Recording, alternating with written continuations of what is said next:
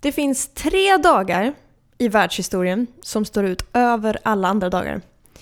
Tre dagar som har förändrat och förvandlat mänskligheten för alltid. De här tre dagarna är centrum av den kristna tron och ändå så har de flesta människorna ingen aning om vad det innebär. Eller att de var förutsagda flera tusen och hundratals år i förväg. De här tre dagarna är kärnan i påskberättelsen och i universums historia. Och det är det vi ska prata om idag, i dagens påskspecial.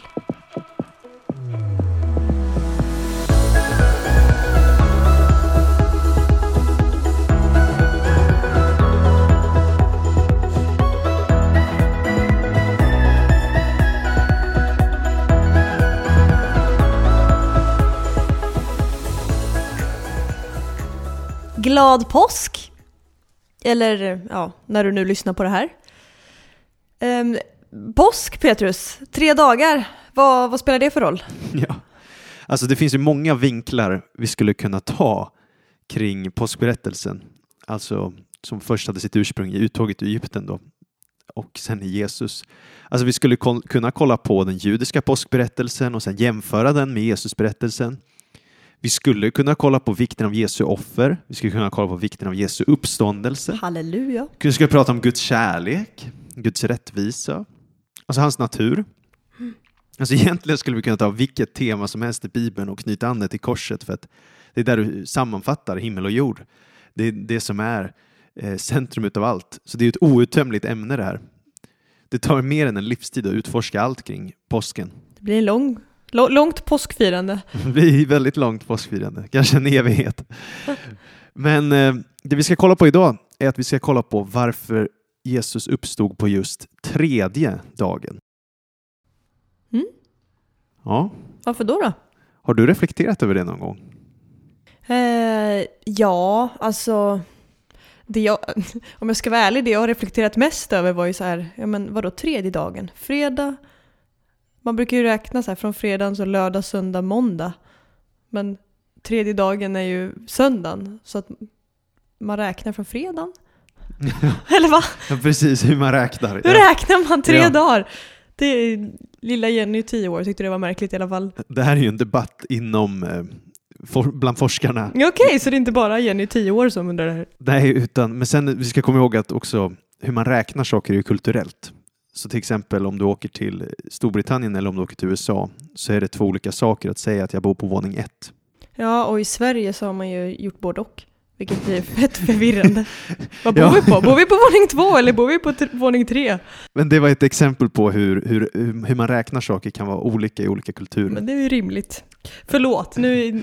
Vi ska inte kolla på det Nej. idag, utan vi ska kolla på teologiska anledningen varför Jesus uppstod på just tredje dagen. Han kunde ju uppstått på första dagen, eller efter en dag, efter två dagar, efter fyra dagar. Varför just efter tre dagar? Mm. Eller var det en tillfällighet? Eller var det en tillfällighet? Um, och många har ju hört så här att, uh, jag vet inte, men jag har hört i alla fall när jag varit i kyrkan och man predikar så har, har jag hört att uh, predikanter säger att det fanns en judisk tradition att en människa var inte verkligen död förrän efter tre dagar för då hade livsanden lämnat personen. Var inte det fyra dagar? Alltså, för Lazarus uppstod ju på fjärde dagen. Mm. Var inte det för att det skulle gå tre dagar och sen? Mm, precis, precis. Um, något sånt är det. Eller? Jag har inte djupdykt i specifikt den frågan. Nu kommer vi till det här med hur man räknar igen. Ja, precis. Hur räknar man? Uh, men, så det, det, kan ju vara en legit anledning så här, också varför han uppstod i så fall på tredje dagen. För att bevisa sin guddom typ? Ja, precis. Han var verkligen död. Han var inte fake död. Mm.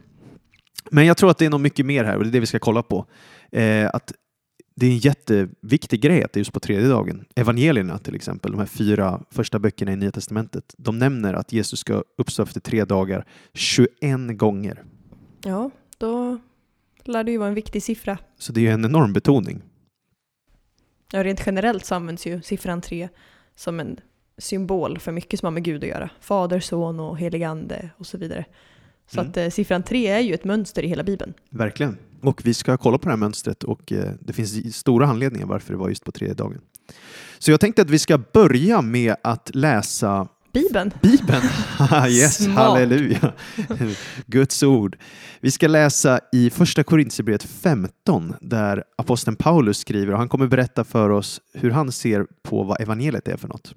Yes, från vers 1. Bröder, jag vill påminna er om evangeliet som jag predikade för er, som ni tog emot och står fasta i, och genom vilket ni blir frälsta. Jag vill påminna er om orden som jag förkunnade, om ni nu håller fast vid dem. Annars var det förgäves att ni kom till tro. Jag meddelade er det allra viktigaste, vad jag själv hade tagit emot, att Kristus dog för våra synder enligt skrifterna att han blev begravd, att han uppstod på tredje dagen enligt skrifterna och att han visade sig för Kefas och sedan för de tolv. Därefter visade han sig för, för mer än 500 bröder på en gång, av vilka de flesta ännu lever, medan några är insomnade. Boom. Så det ska alltså enligt skrifterna skulle han uppstå på tredje dagen. Ja, det är en stor vikt på att det var enligt skrifterna. Och skrifterna för Paulus då, i alla fall när han skriver det här brevet, det är ju Gamla Testamentet. Mm. Eller det vi kallar det. Så någonstans i Gamla Testamentet ska det stå att Messias ska uppstå på tredje dagen. Precis. Och då vill jag ju utmana. Var i Gamla Testamentet står det att Jesus ska uppstå på tredje dagen? Dum, dum, dum, dum, dum, dum, dum. För här år. påstår ju han det, Paulus. Mm. Ehm, och det är en väldigt bra fråga. Så var står det någonstans? Ja, det ska vi kolla på. Tack.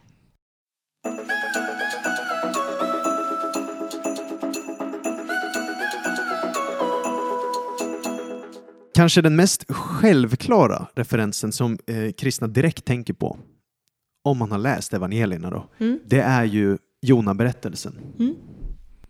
Kommer du ihåg Jona-berättelsen? Ja, Gud säger åt Jonas som är profet att dela ett budskap till ehm, ett hedna folk i Nineve. Jona är inte så lydig så han drar åt andra hållet, blir kastad i vattnet och hamnar i en fisk i tre dagar. Och tre nätter kanske det står. Mm. Och sen blir han fräscht uppspottad på en strand och knallar och berättar det här budskapet lite smått motstridigt och så vidare. Så den berättelsen, den handlar ju om tre dagar. Mm. Och Jesus själv säger i Matteus 12, så börjar han säga så här att ett ont trolöst släkte, de kräver massa tecken. Men de kommer inte, ni kommer inte få något annat tecken än profeten Jonas tecken. Och så säger han i Matteus 12.40 att liksom Jona var i den stora fiskens buk i tre dagar och tre nätter, så ska människosonen vara i jordens inre i tre dagar och tre nätter. Och när han säger människosonen då syftar han på sig själv. Det är ju Jesu favorittitel. För det är väl också från Gamla Testamentet. Det är väl ett, eh, en beskrivning från Daniels bok. Att, eh, Ja. att Gud själv kallar sig människosonen, eller? Ja, precis. Det, det får vara ett, ett, tema vi kollar på någon annan gång i podden. Men Människosonen, det är ju en titel i Daniel, speciellt kapitel 7, och där en människa egentligen upphöjs och får nästan samma auktoritet som Gud själv. Så det impliceras att han är gudomlig. Som mest troligt Jesus Mm. i Gamla Testamentet. Ja, det är ju det, för Jesus själv kallar ju sig det sen. Alltså jag älskar Daniels bok. Det är en Ja. av mina favoriter. Precis, så i alla fall poängen är att Jesus säger här att ett av ställena där det talas om att jag ska uppstå på tredje dagen, det är Jona bok. Mm. Och då står det ju inte uttryckligen så här ehm, Jesus Kristus från Nasaret skola uppstå på den tredje dagen. Exakt, utan det är ett profetiskt mönster. Mm. Som vi har pratat om tidigare. Det här har vi pratat om i Greppa GT i en episod som heter Berättelser som profetior. Mm. Och nu tar vi steget in i Nya Testamentet från Gamla Testamentet. It's connected! ah. Så det där är en klassiska. Eh, och jag tänker inte utveckla den mer, Jona-berättelsen, även om vi skulle kunna göra det och, och de 40 dagar som följer och sådär och hur det också är kopplat till Jesus. Men vi går vidare och Ja. eh, vi kollar på Hosea 6, för det är också en av de här som man då ganska intuitivt hittar, ja men det här kanske finns någon koppling till Jesus och tre dagar. I Hosea 6, vers 1-2. Kom, låt oss vända om till Herren, ty han har rivit oss. Han ska också hela oss. Han har slagit oss. Han ska också förbinda oss. Han ska om två dagar på nytt göra oss levande. Ja, på tredje dagen ska han låta oss stå upp, så att vi får leva inför hans ansikte.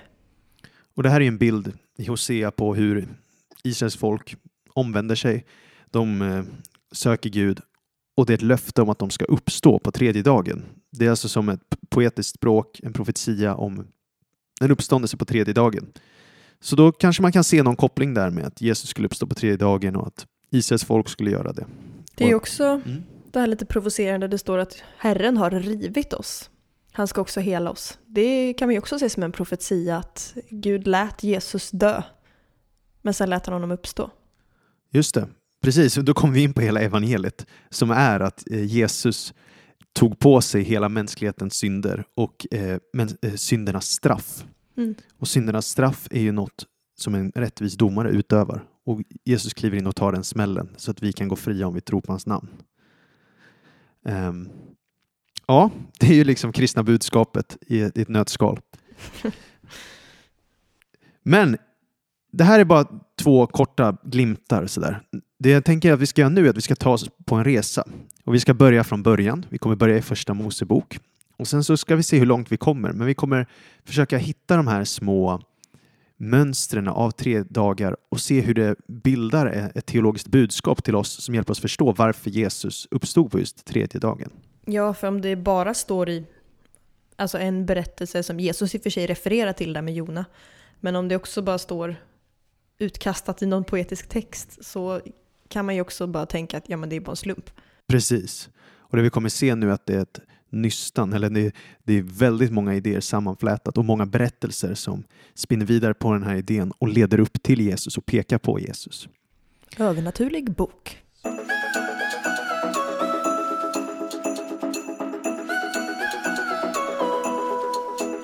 Så yes, så vi börjar i första Mosebok 1. From the beginning. Vad hittar vi där då? Gud skapar världen. Ja, så i första Mosebok 1 så har vi hur Gud skapar världen på sju dagar. Eh, och det här är ju Inte på tre. inte på tre dagar, på sju dagar. Och det som är spännande med den här berättelsen är att den innehåller flertalet mönster och paralleller mellan de här dagarna. Återigen har vi pratat i andra avsnitt om hur, hur Bibeln är designad för att man ska jämföra berättelser, man ska kontrastera dem, man ska eh, se dem mellan varandra och, och eh, tänka och reflektera över dem. Så här. Mm. Och det sker exakt samma sak i Bibelns första sida. I första Mosebok 1, när Gud skapar världen på sju dagar. Då skapar han eh, allting i, i nästan, han börjar med typ så här, alltså binära eh, saker. Så han skapar himmel och jord. Det är som par hela tiden, de kompletterar varandra. Ja, precis. Himmel och jord. Det ljus och mörker. Det torra marken och havet. Man och kvinna. Och så vidare och så vidare. Så att det, det är par så här. Och det vi kommer märka är att dag 1, 2, 3 matchar dag 4, 5, 6. Mm. Så det börjar ju berättelsen med hur allt är öde och tomt. Mm. Och på hebreiska skulle man kunna översätta det till oformat och ofyllt. Och i de första tre dagarna så formar Gud det han sen ska fylla i de tre kommande dagarna. Just det. Eh, han ska fylla dem med. Så att i dag ett så skapar Gud, vad då för något? Han skapar ljuset och han skiljer det från mörkret. Han skapar natt och dag. Och i dag två, Så, så skiljer han vattnet eh, från vattnet, skapar himmel och hav. och i dag tre, Så skapar han torrt land och han låter växter och träd växa fram ur marken. Precis. Så dag ett handlade om ljus och mörker. Och sen ser vi dag fyra handlar om solen, månen och stjärnorna för att råda över dag och natt. Ja. Dag två, då skapar han himmel och hav. Mm. Och på dag fem skapar han havsdjuren och fåglarna. Så, Så han så fyller dem han skapade. matchy match. Exakt. Och dag tre, då är det ju torrt land och han låter växter och träd växa fram i marken. Och dag sex, då skapar han markdjuren och människan från marken. Och nu kommer jag byta ämne som jag brukar göra. Men det här påminner ju mig också om... Gud beskrivs ju som en eh, potter, vad heter det på svenska? Kruk, Krukmakare. krukmakare. Och då formar man ju först ett kärl och sen fyller man det med något. Och det är väl en bild på människan, på oss, att Gud Så här. Och det är också väldigt vackert här då att han först skapar ett kärl och sen fyller det med något. Ja. För det händer ju i Första Mosebok 2. Då formar han ju människan av lera eller jorden och sen blåser han in livsande i den. Så Mm. först formar, sen fyller. Som med oss. Ja, amen. Så, men då ska vi lägga till, vad händer på den första tredje dagen någonsin? Jo, då skapade ju Gud det torra landet. Och sen ur det torra landet får han grönska att växa fram och bryta fram ur marken. Det ska, jorden, ur den här torra jorden ska det komma fröbärande örter och fruktträd. Så ur något med dött kommer det liv. Yes, you got it. Så att dag tre, den första tredje dagen vi ser i hela Bibeln handlar om hur det blir nytt liv ur det torra, ur det öde, ur det döda. Vackert. Så Gud skapar nytt liv där det varit dött. Så Jesus dör, men sen kommer det nytt liv utifrån det. Ja, det kommer vi ju kolla på snart. Men eh, vi tar oss på hela resan här, hur, Ja. hur, hur hela hebreiska bibeln, eller judiska bibeln då, bygger upp det här med tre dagar. Eh, för om det var tredje dagen, och vi såg ju att dag sex är till för att matcha dag tre, då blir det ju att vi bör jämföra dem lite. Och på Mm. sjätte dagen, då skapar ju Gud markdjuren och människorna. Och precis som på dag tre så kommer de ur jorden, ur marken. Mm. Men det unika med människan som skiljer människan från växterna och djuren, det är två saker. Det är att människan är gjord i Guds avbild och att Gud ingår ett förbund med människan.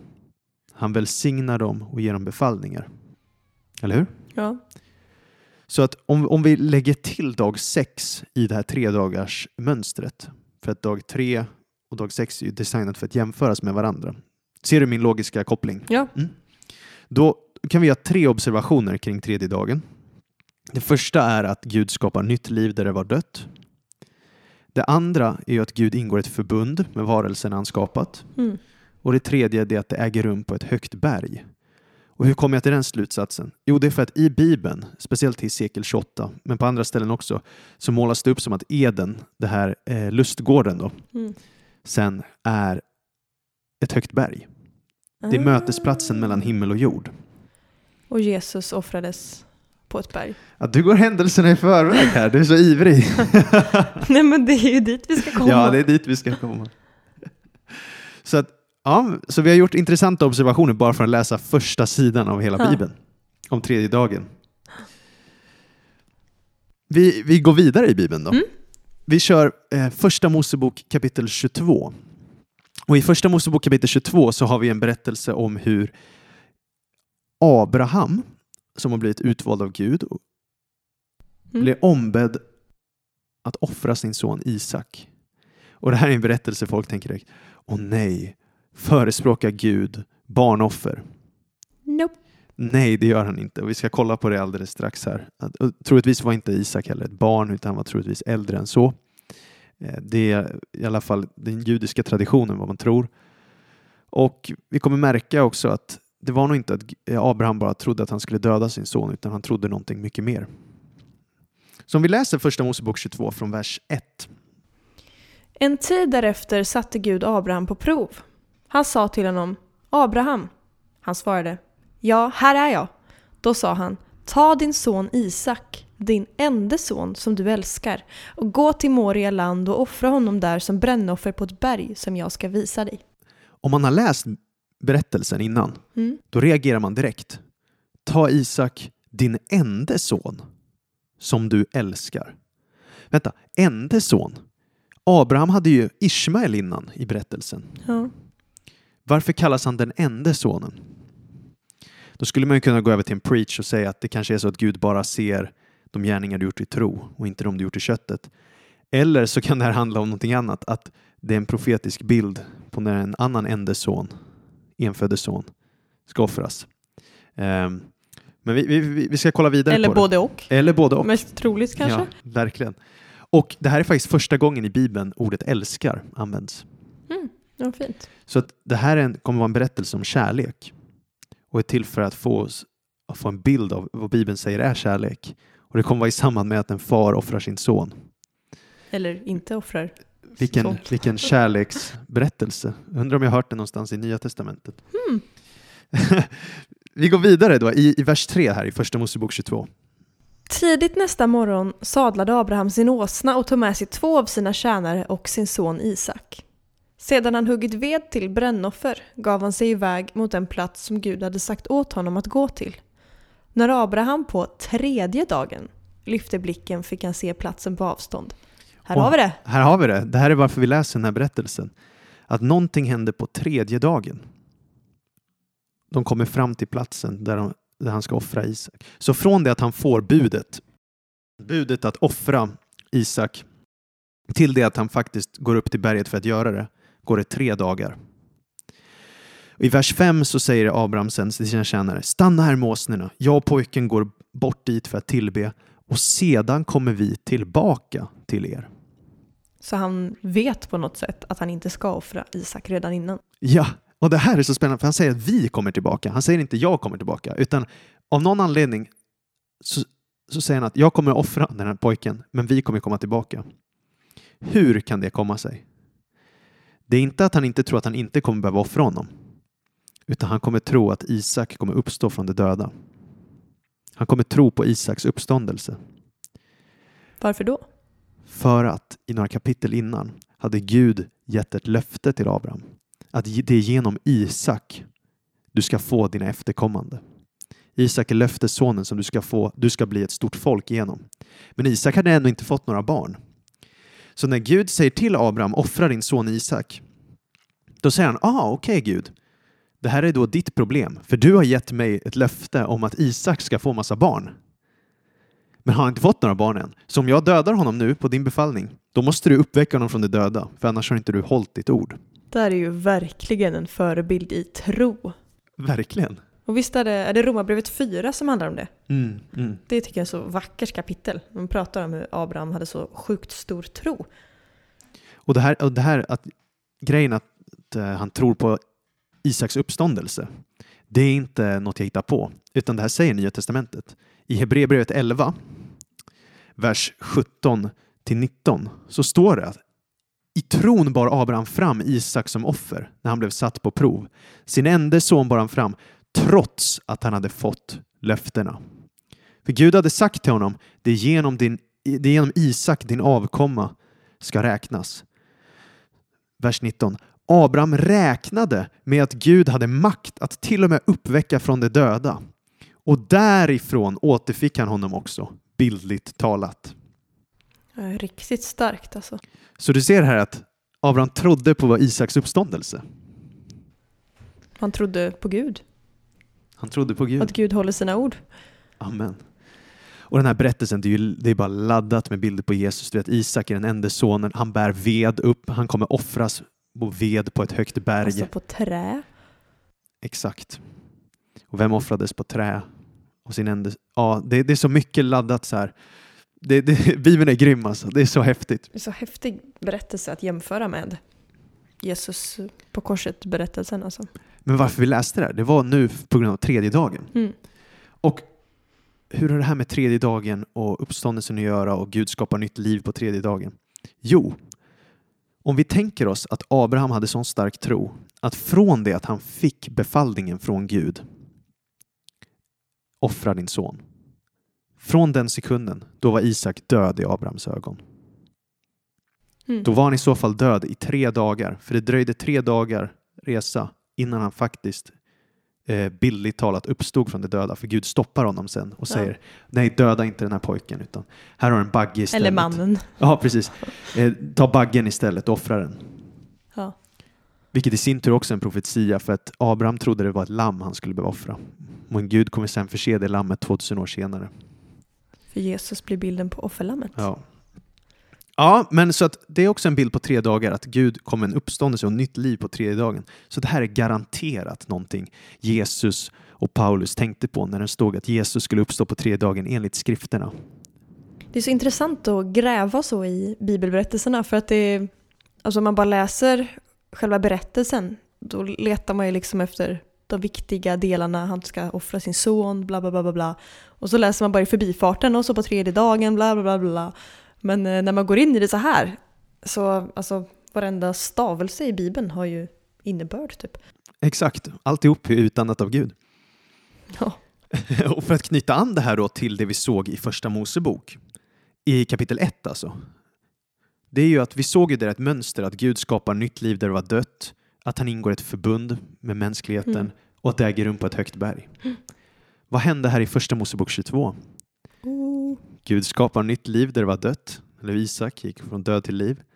Gud ingår i ett förbund med Abraham direkt efter det här i vers 17 till 18. Så kommer han säga så här att eh, jag sluter ett nytt förbund med dig. I, I princip, jag svär vid mig själv. Eftersom du inte undanhållit din enda son ska jag välsigna dig och så vidare. Och så vidare. Och så äger det rum på ett högt berg. What? Så vi ser hur tredagarsmönstret som introducerades i kapitel 1 av Bibeln ja, förstärks här då.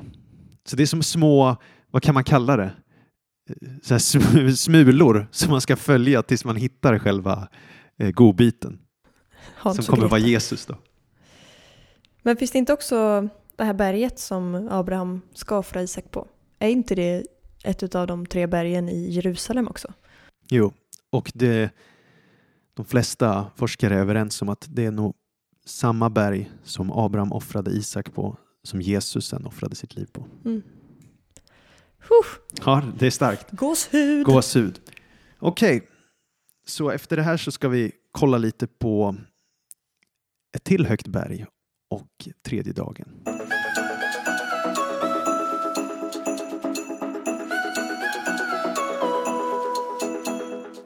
Nu är vi i Andra Mosebok och vi ska hoppa till kapitel 19. Det här är berättelsen om Moses och när Moses kom, precis innan Moses får stentavlorna från ovan. Och då kommer vi återigen se det här tredagarsmönstret. Någonting med tre dagar på ett berg. Och ett förbund. Och ett förbund. Ja. Spoiler. Precis, precis, precis. Eh, och, och det som händer då är att eh, de, de bryter upp, Moses stiger upp till Gud på det här berget och så ska han säga så här att jag ska ingå ett förbund med er, ni ska vara min dyrbara egendom framför alla andra folk, för hela jorden är min. Ni ska vara ett rike av präster och ett heligt folk. Och han lovar allt det här och så säger han till Mose att han ska komma i ett tjockt moln. Och i vers eh, 10 i vers 10 i Andra Mosebok 19 kan vi läsa. Då sa Herren till Mose, gå till folket och helga dem idag och imorgon och låt, låt dem tvätta sina kläder. De ska hålla sig beredda till i övermorgon, för då ska Herren stiga ner på Sinai berg inför allt folkets ögon. Och sen fortsätter det i vers 16. På tredje dagen, när det hade blivit morgon, började det dundra och blixtra. Ett tjockt moln la sig över berget och ett mycket starkt basunljud hördes. Allt folket i lägret bävade. Så Gud säger så här, ja, men ni måste helga er, gör er redo, det kommer hända något om tre dagar. För om tre dagar kommer jag stiga ner på Sinai berg och då kommer folket få möta mig. Så lite precis som Abraham-berättelsen Abraham så är det här en prövning. Att folket måste Mm. göra sig redo och då kommer de ingå ett förbund med Gud på tredje dagen. Mäktigt. Och eh, inte på tredje dagen när Jesus uppstår, men när Jesus är på berget och eh, när han dör, då dundrar det väl också. Det blir en jordbävning. Ja, det blir det faktiskt. Det, det blir nog jordbävning när han dör och när han uppstår. Ja, vi- visst. Ja, blir, När de kommer till graven så... Exakt, det, det äger rum en jordbävning också i, i samband med hans uppståndelse. Ja, det är mäktigt alltså. Så om vi kollar bara här på berättelsen i Andra Mosebok 19, då är det ju samma mönster vi ser, hur Gud skapar nytt liv. Varför det? Jo, för att han ger sitt ny, eh, folk en ny identitet. Det är ju som att de får nytt liv i Israel. För nu ingår ett nytt förbund med dem. Och säger att det här är vad jag vill för er, att ni ska bli ett, nytt, ett rike av präster och kungar. Så han ingår ett förbund med sitt folk, de får nytt liv och det äger rum på ett högt berg. Woho! Det är så här värsta Sherlock Holmes Bible reading här. Man hittar så här viktiga mönster och kollar på detaljer. Och nu har du ju varje gång vi kommenterat där bara pekat på Jesus. Så att om vi bara tar det då. Mm. Hur passar det här mönstret in på Jesus? Gud skapar nytt liv för sitt folk. Mm. Alltså vid uppståndelsen så kommer ju hoppet om livet, eh, räddningen från eh, döden. Ja, och framförallt så uppstår Jesus. Jo, precis, men i samband med uppståndelsen. Ja, ja. Ehm, han ingår ett förbund.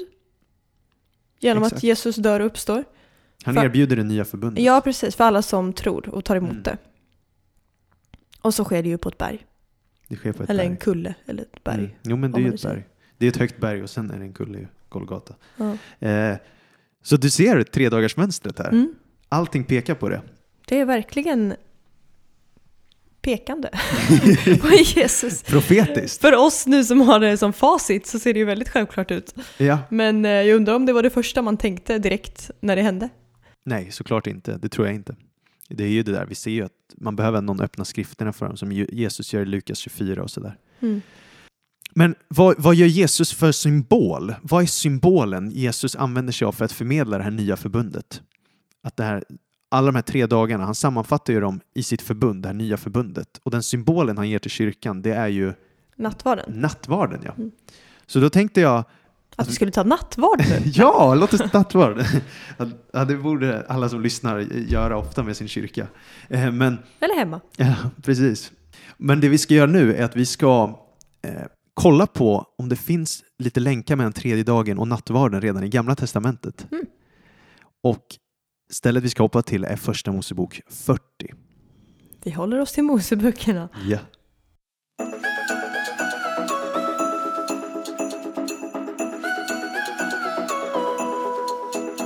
Så vi är nu i, vi ska kolla nu på berättelsen om Josef.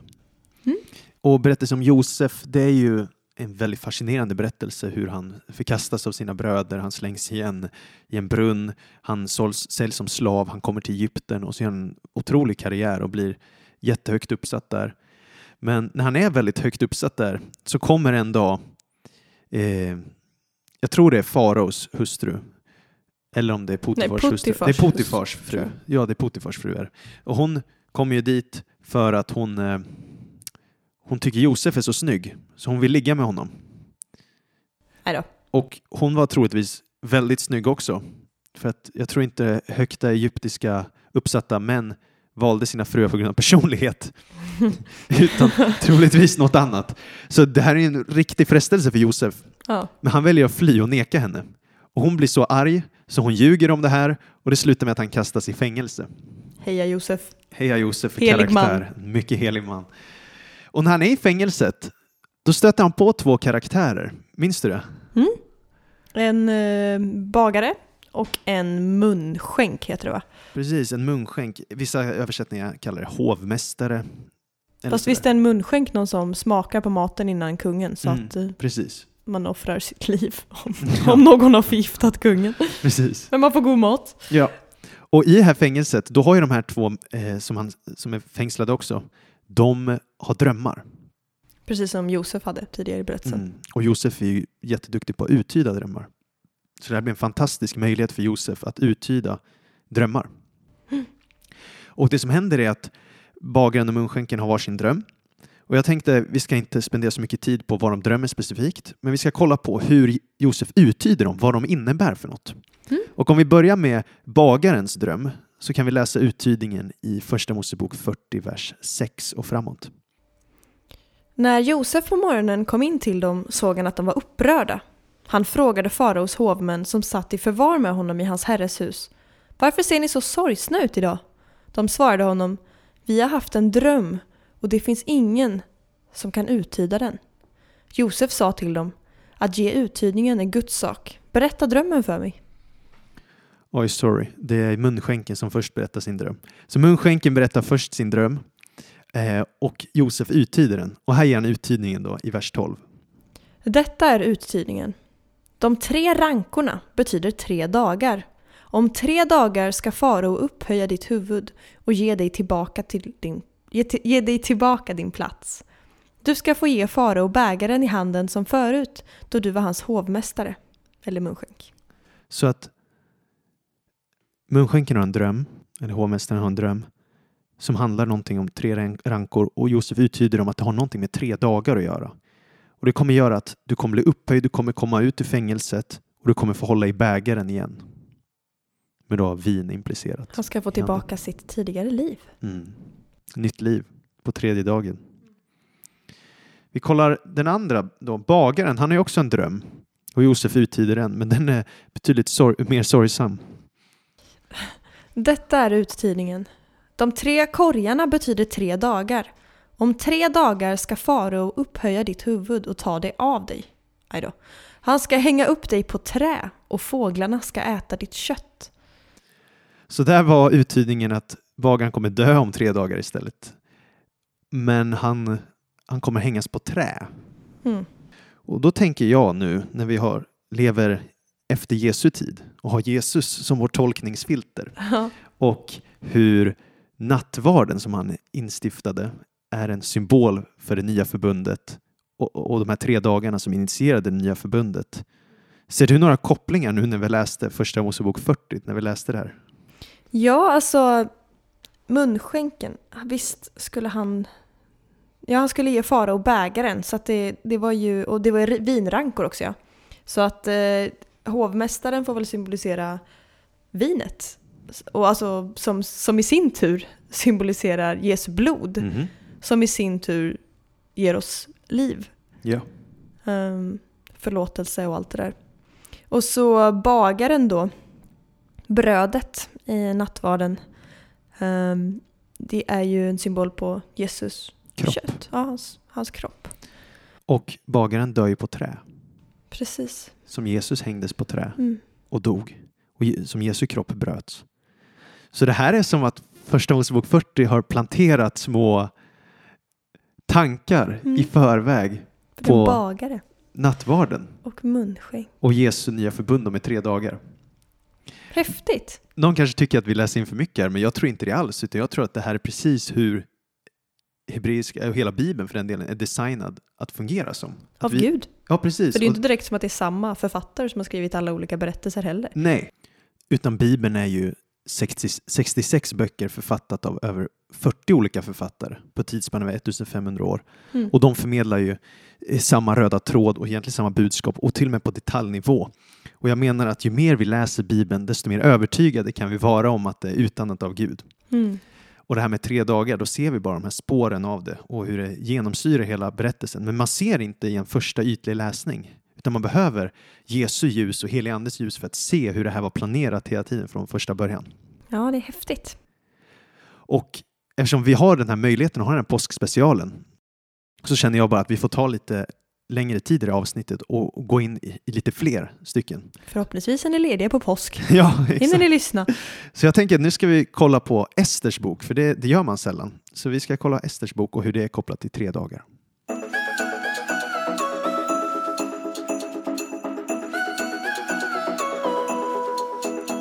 Ja, minns du vad Esters bok handlar om ungefär i stora drag, Jenny? Ja, jag älskar Esters bok. Och den är väldigt kort så den är ganska lättläst. så så här, man kan läsa den i ett svep. Eh, jo men det handlar ju om att eh, det är en, eh, en kung som har en uh, Gary som inte är så snäll, som inte vill det han vill i alla fall. Så det tycker inte han är snällt. Så att han behöver en ny drottning. Och då gör han någon form av skönhetstävling som Ester vinner. Och Ester då som är judinna, det är ju inte kungen, hon blir drottningen. Mm. Och kungens närmste man, man, Haman, inte jättesnäll och vill utrota alla judar.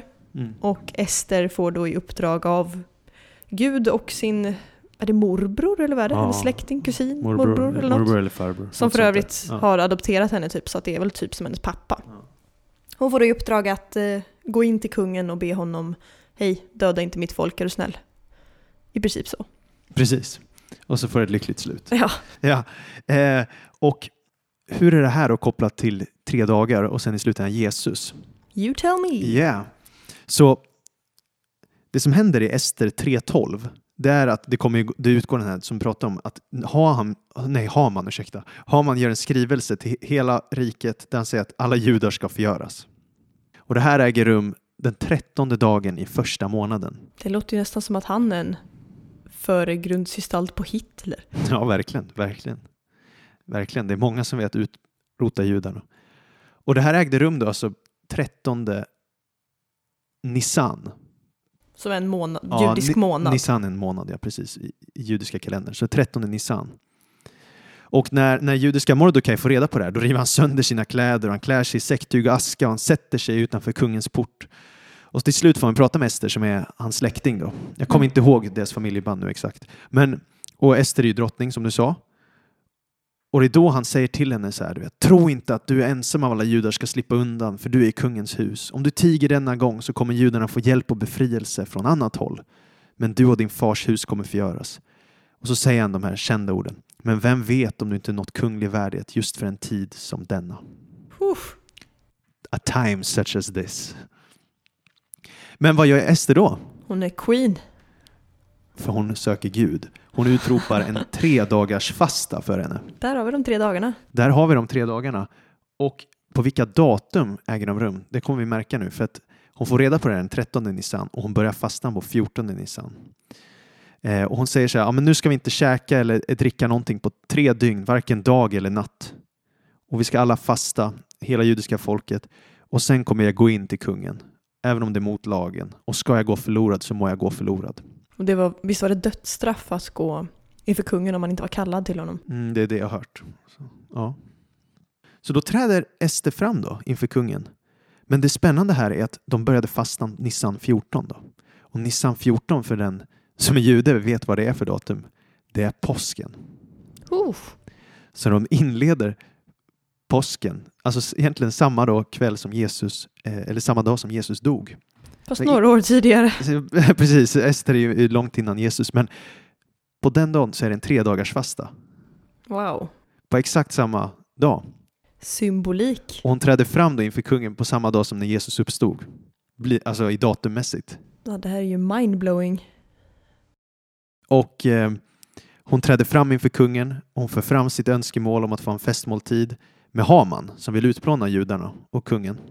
Så då blir han jätteglad över de här eh, nyheterna, Haman. Men det skulle han inte bli. Nej, för, men så han, samtidigt är jag inte så glad för att den här Mordokaj, juden, sitter i kungens port. Så då reser han upp en träpåle som han vill hänga Mordokaj på dagen efteråt. Men sen går det inte som planerat. Och det slutar med att Haman hamnar på den där träpålen. Precis, för kungen får ju höra då Esters eh, önskan och eh, han blir rosenrasande på Haman som har gjort det här och då väljer han att hänga upp Haman på pålen och Mordokaj som skulle hängas på trä han sätts på en kunglig skrud och får rida på en vit häst. Så då, det här, hela texten är dränkt i profetiska mönster. Vi har inte tid att kolla på allt hur det pekar på Jesus, men tre dagar av sorg som startar Mm. med Nissan 14 som sen resulterar i folkets frälsning och nytt liv. Mm. Folket var, hade en dödsdom över sig, men de började leva. Låter det bekant? Oh yes. Jesus korsfästes, Nissan 14, och efter tre dagar i graven vann han frälsning. Och att Haman blir ju också på ett sätt en bild på Jesus, för han går då från att vara hängd på trä, symboliskt sett, till att bli klädd kunglig dräkt, krona och rida på en vit häst. Du menar Mordokaj? Jag menar Mordecai, vad sa Inte jag? Haman. Sa jag Haman? Oj, jag menar verkligen Mordecai. Jag bara, vänta va? jag menar Mordecai. Men Mordokaj skulle bli hängd på trä. Han skulle dö för att... eh, ja, han hade en dödsdom över sig för han var ju jude. Ja. Men eh, sen får han den kungliga värdigheten. ja. Wow. Mäktigt! Bibeln. Jaha. Bra grej. Vi tar en till. Vi tar en till.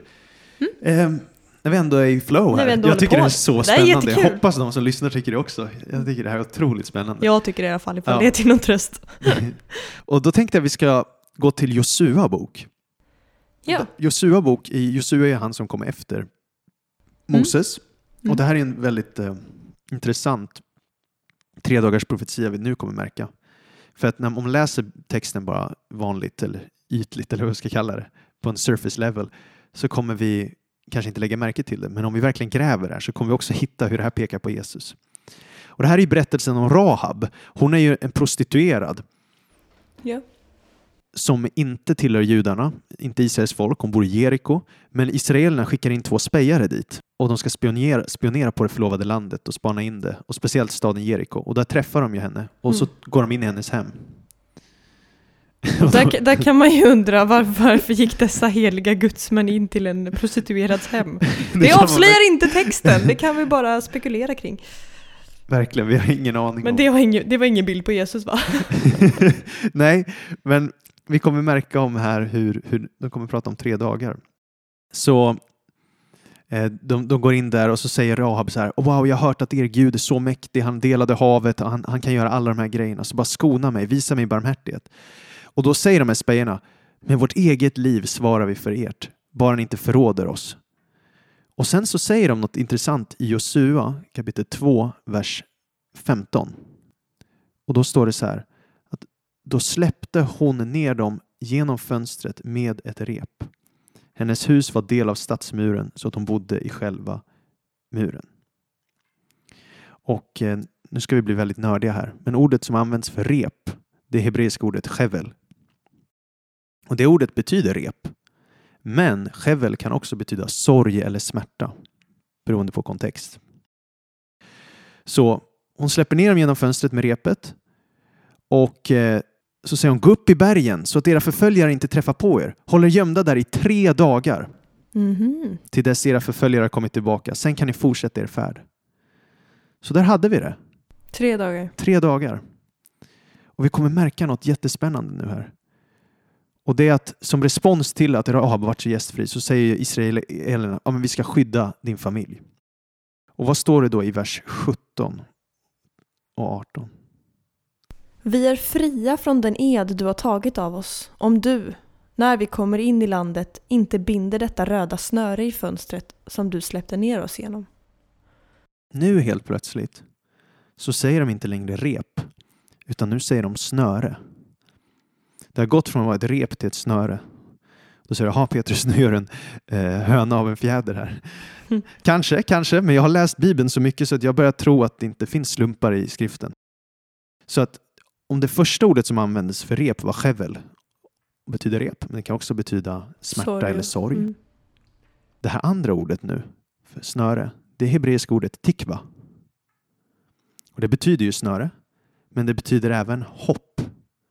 Israels nationalsång idag i moderna Israel heter Hatikva. Mm. Hoppet. Så då är det verkligen en slump att ordet chevel används när spejarna ska lämna och sen när de ska återvända används ordet tikva. Alltså hopp. Mm. Och däremellan har vi tre dagar. Wow. Och du säger wow, för antagligen tänker du att det finns en annan berättelse om hur det går från sorg och smärta och tre dagar senare vänds det till hopp. Ja. Jesus! Och, och så är det spännande rött snöre också speciellt, att det pekar då på kanske Jesu blod och Mm. offer och allt det där också. Laddat i det. Jag, jag tycker det är i alla fall spännande. Verkligen. Det är ju som att, eh, att det är så här för att bevisa att Jesus är den Messias som skulle komma. Det blir ett kvitto på att vi kan lita på att den Jesus påstår sig vara, är han verkligen. Mm. Och det är det vår bön har varit med den här podcasten också, att människor ska kunna verkligen veta och veta och veta med sitt hjärta att Jesus är den utlovade frälsaren till världen. Och det är därför vi inledde med första Korinthierbrevet 15. Att han var inte bara en vanlig människa som dog Nej. eller uppstod bara. Utan det är också att han gjorde det i enlighet med skrifterna. Det är alltså förutsagt. Det är det som validerar, bekräftar att han, alla de här påståendena bakom honom. Han var inte någon som bara historielöst dyker upp out of the blue. Nej. Och också en, det blir också ett bevis på att hela Bibeln är av Gud. För att det är inte bara Nya Testamentet utan det är hela Bibeln som är sammanlänkat. Och om det är sammanlänkat med det här, vad är det då som säger att eh, resten av Bibeln liksom inte skulle vara sann? Så att det, det blir ju en, ett bevis på Guds övernaturliga design. Vi ser helig andes fingeravtryck Ja. över hela skriften. Verkligen. Tänkte att vi ska avsluta med en eh, berättelse eller en eh, guldklimp. Mhm. Och det här är, vi ska prata om maskar. Det var inte så guldigt. Nej, inte så glamoröst. Nej. en mask. Och vi ska kolla på psalm 22. I psalm 22 är en helt fascinerande profetia, en förutsägelse om Jesus, hur han ska hänga på korset. Det här är skrivet tusen år innan Jesus. Och det handlar om, och det beskriver väldigt levande hur, hur Jesus blir genomborrad, hur han får lida, han blir hånad. Och det är en psalm som citeras jättemycket i evangelierna också, för han uppfyller allt där. Och visst citerar Jesus den också när han hänger på korset. Mm, exakt. Det är då han säger min Gud, min Gud, varför har du övergivit mig? Så att han aktiverar våra tankar till att vi ska gräva i den här salmen. Och då i vers 7 det, så är det så spännande vad säger Jesus då, eller David profetiskt säger om Jesus. i psalm 22. Vers 7 Ja. så står det Men jag är en mask och inte en människa, hånad av människor och föraktad av folket. Jag är en mask. Vad menar han med det? Ja du, det kan man undra.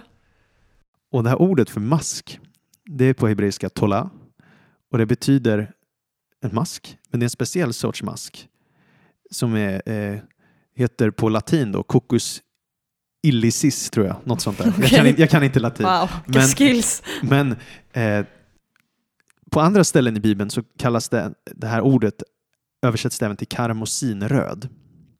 För att det här är en speciell mask som är röd till färgen. Och jag tänkte bara berätta lite om den här masken och se hur den pekar på Jesus. Så när det är tid för den här masken, Tola-masken eller Cocus illicis, att ha barn, vilket den bara har en gång i livet, Säger man verkligen att maskar har barn? de förökar ju sig i alla fall. I ungar? Ja, ungar kan vi säga. Ynglingar? Ynglingar, inte barn då, ursäkta. Men den har det bara en gång i livet. Då hittar masken ett träd att fästa sin kropp på så hårt som möjligt. Masken fäster sig sedan stenhårt på trädet och bildar ett hårt rött skal. Det här skalet sitter fast så hårt att det inte kan flyttas på utan att masken dör.